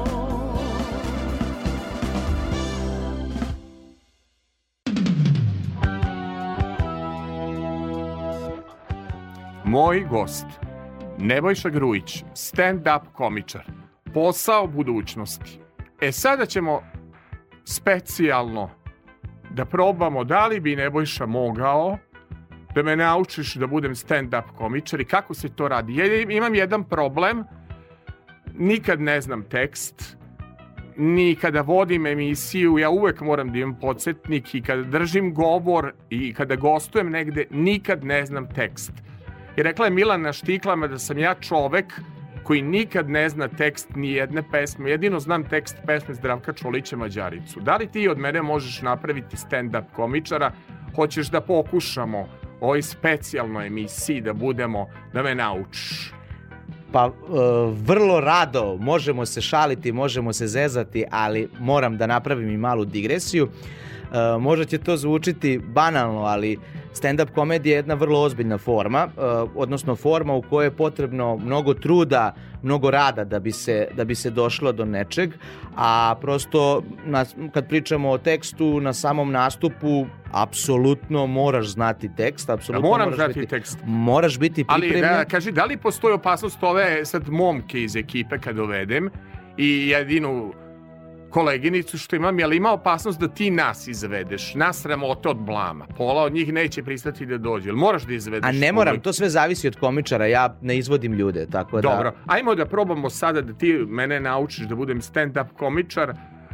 Koju ćemo stand-up komediju? Ćemo ovu muško-ženskim odnosima i treba li ti publika tu ili ja onda moram da budem Pa publika? ne moraš da budeš publika, evo ti ja pričamo e, kako bi, kad, kad bi ti želeo da postaneš stand-up komičar, e, moj savet bi ti bio definitivno da e, pričaš nešto iz svog života, da od neke anegdote ti napraviš neku priču. Jel ti se nešto zanimljivo i interesantno desilo da možeš da izdvojiš? Meni? Pa meni se kroz karijeru, meni stalno dešavaju neobične stvari. Evo, mogu o moje karijeri da pričam. Koliko ti trošiš živaca? Da trošiš živce na rende, kao kad, se kiseli kupus ili kad se seče slaninica. Gosti, šta mi rade? Hoće da dođu, neće da dođu, pa ne mogu, pa mogu, pa onda dođu kad ne treba da dođu. Pa ovaj posao je jako stresan. Pa me onda prljavi inspektor Blažo stavio scenografiju na glavu. Kleopatra proročica htela da mi izađe iz studija. Onda Aleksandar Tijanić me skoro ono kautirao. Mislio sam da sam u bokserskom ringu s Tysonom. Znaš zašto? Zašto? Napravio sam lapsus. Rekao sam, pored vas je najveći, pored mene je moj gost. Najveći i najbolji srpski novinar. I umjesto Aleksandar Tijanić, ja kažem svoje ime, Aleksandar Filipović. On kaže, po čemu ste me zavali? Po dužini, debljini ili šerini. Mislio sam u slediće kroše. I tako je. Onda Andrija Milošević, tvoj kolega, Da. pitao me, izvinite, a što se vi stalno derete? Moja baba pita što se ovaj čovjek stalno dere. Ja kažem da ne zaspe naš, ne, ne, ne spavaju naši pretplatnici, pretplatnice. Imam puno anegdotu. E vidiš, to je, e, sad ću ti se odmah nadovezati, to je fantastično. E, na, po meni, sad svi smo mi, moje kolege komičari i ja različiti, ja najviše volim nešto iz svog života i to je super, ali to je jedna dobra osnova. Ono što ti je potrebno da taj tekst napišeš, da ga izgradiš i da imaš, mi to komičari kažemo punchline, da imaš Dobro. twist, da imaš foru. Dobro. Ajmo foru neku, ostavljam ti dva minuta, kamera je tu, tvoj influencer je tu. Um, ajmo jednu, da bi zainteresovali za muško-ženske odnose, jednu foru da nam ispričaš. I oni su deo dođeša. I oni su deo nastupa dajem dođeša. ti, dajem ti, na primjer, dva minuta i onda ćemo slušati, na primjer, ja predlažem grupa TAP 011, ona je onako idealna bi bila kao, jel da? Kao predložak ili Vuk ili televizor ili da li bi prala mače gaće. Dakle, oni su jako duhoviti i obeležili su našu mladost. Mikrofon je vaš. Ajmo da Može. čujemo foru iz predstave. Uh, iz predstave dođeš pa evo mi celu emisiju pominjemo ženu koja je meni uh, či, čija je, čije, čije prisustvo u, u mom životu nepresušna inspiracija, to je moja sremica. Ona je meni toliko pomogla da sam ja njoj rekao da ću joj napraviti spomenik u Loznici odmah tu pored Vuka Karadžića u samom centru grada. Ona mi je naravno na to odgovorila da hoće da umjesto toga da splav na Drini nazovemo po njenom imenu. Znaš. Nije O- o- htjela Ćupriju. da, nije htjela Ćupriju, nego splav zato što je ona autentična sremica. Znaš, ko- kod nje uvek, kod nje uvek sve mora da bude drugačije, jer ona je posebna, a i mora da bude drugačija od svojih drugarica, obavezno da bi mogla i njima da se pohvali. Ona bukvalno, na sve što ja kažem, na moju jednu, ona ima tri. Desi se samo nekada jednom da zaboravim da ugasim svetlo, ona je odma gasi to svetlo, ne radi ti tata u elektrovojvodini. Na sve, na, na, na sve mora da kaže. I onda kad ja pokušavam da se nešto zabavim sa njom i kažem reko ljubavi, a šta bi se desilo, na primer, kad bi se ti ja zaglavili u liftu? Kaže ona, pa ja sam s tobom već zaglavila. Znaš, ne, ne- neverovatno, ona je meni e, više u, u našoj vezi puta rekla spusti dasku nego volim te. Mislim, šalim se, nikad mi nije rekla volim te. A i dalje je voliš. Da li je to sad omazo? Ti je voliš, a ona naređuje. Ne, to je samo klasičan život sa sremicom, nisi imao iskustva, nije to sadomazo, to je, to, to, to je kisela voda za. Ali, ali to je puno strasti, puno ljubavi, puno emocija. Nema ljubavi bez Puno njenih Austro-ugarske reči. čizme majke Marije je. Terezije. Nema ljubavi bez Mengela. Nema muža ako se ne pritisne, ako se ne stisne. Nema, nema ljubavi ako ne boli. Ja ću ti reći samo naš život u jednoj Ajde, rečenici. ajde. I o, to je ona meni rekla, ja sam to naravno ovde iskoristio. Kad bi ja umro i kad bi me iznosili iz stana, ona bi rekla kad već ide napolje, nek sa sobom ponese i đubre.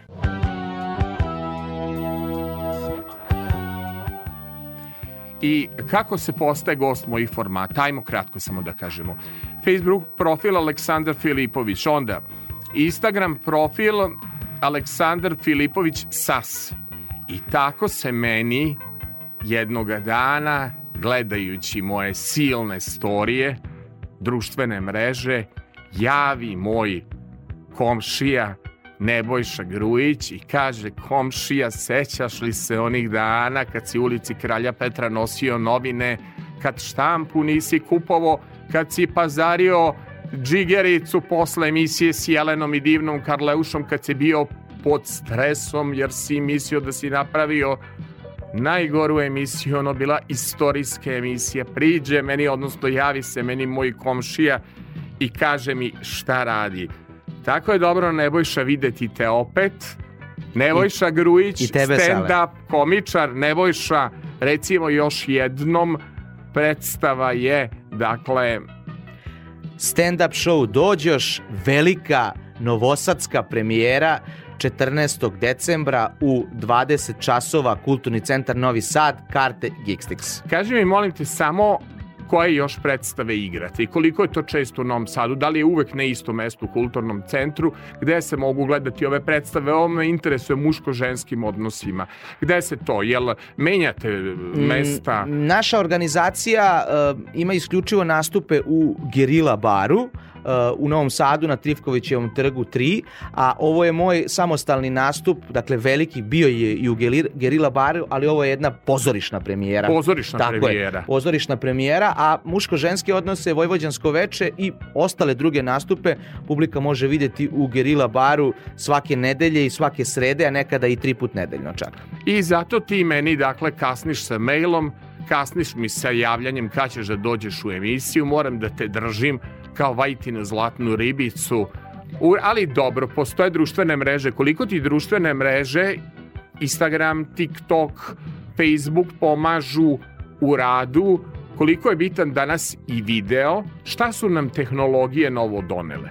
Pa video je i marketing je pola posla. E, prosto, evo, navešću primjer, neću naravno imenovati, ali postoje sjajni komičari koji prosto nisu toliko u nekom marketingu i eto, ljudi ih ne prepoznaju šire, oni tu pričaju od usta do usta kad vide njihov dobar nastup, ali video je, e, video je pola posla. Ja sam u poslednje vreme i radio i na tome, imam svog ličnog snimatelja koji me uvek snima sa dve kamere, ima svoju sopstvenu produkciju, tako da bez toga ništa. Znači, značajne su dakle društvene mreže, značajan video, nije ono jel televizija i radio kao nekad, zato ja često tagujem moje odloženo slušanje i volim kad ljudi odloženo da kaže slušaju, neko se javi, neko ruča sa sremicom, neko večera, neko doručkuje, neko pe, e, e, za Pedra onaj džemper plete, hladno vreme, pa onda sitna bunica, tako da kako bih rekao, danas su se promenila vremena, promenili su se međuljudski odnosi, promenili su se, promenile su se stvari, ali mnogo ti hvala za ovu izuzetnu playlist, ovo govori o jednom izuzetnom emotivnom čoveku koji je mnogo lepih veselih pesama meni ovde pustio, bilo je dobrih narodnjaka, bilo je lepih balada, izuzetna ti je playlist od Nedeljka Bajića, Baje i Ginem Ginem, da ti skinem haljinu što šušti, do Rođe Rejčevića i Vlade Georgijeva Draga. Pa jeste li vi takvi ljudi rođeni krajem 80. godina da sve to volite, što bi rekli od Silvane do nervoznog porštara, od Lepe Lukić do kolonije, su to ljudi s kraja 80. godina? Pa ja mislim da jesu. Ljudi s kraja 80. godina su bili deo nekog teškog vremena, ali to vreme imalo i svojih čari i bilo je puno ne samo dobre muzike, nego i filmova, serija, pozorišnih predstava, tako da ja mislim da to vreme ima jednu čar ja sam želeo da, da tvojim uh, slušaocima prenesem baš tu energiju koju posjedujemo mi rođeni sa, sa kraja 80. A, zapratite Nebojša, je tako, donja crtica? Donja crta Nebojsa, donja crta Grujic. Zapratite ovog dođoša iz Loznice, koji je sa svojom sremicom našao mirnu luku u Novom Sadu, koji je showman koji zabavlja svoje koleginice, koje je divno, toplo, ljudsko, lekovito biće. Obavezno dođite na njegove predstave, nasmejaćete se. Ja uvek kažem, meni kod ovih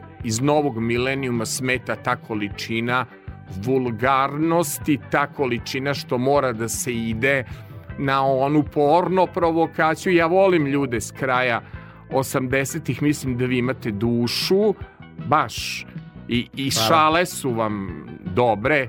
Ipak tu na kraju, posle svega, kad pričaš o Sremici, se oseti jedna velika ljubav i blago toj ženi što je toliko voliš i blago tvojim koleginicama što sa njima radiš i što voliš i tu firmu koju radiš i što voliš firmu koja ti je pomogla da sve organizuje, jer danas treba ulagati umetnost. Dakle, ovo je bio Nebojša Grujić. Nebojša, imaš li završno slovo komši za kraj? Imam, naravno. Ja bih teo prvo tebi, Sale, da se zahvalim uh, na pozivu u jednu ovako fantastičnu emisiju koja je verovatno jedna od najinteresantnijih, a verovatno i najinteresantnija emisija u kojoj sam bio uh, zbog svoje dinamičnosti i zbog svog onako uh, potpuno neobičnog potpuno neobične priče koja se dešava i, i, i da kažem i lepe i kvalitetne i ozbiljne uh, a opet uh, i šaljive i naravno na kraju bih stvarno hteo da kažem da pored svih šala i fora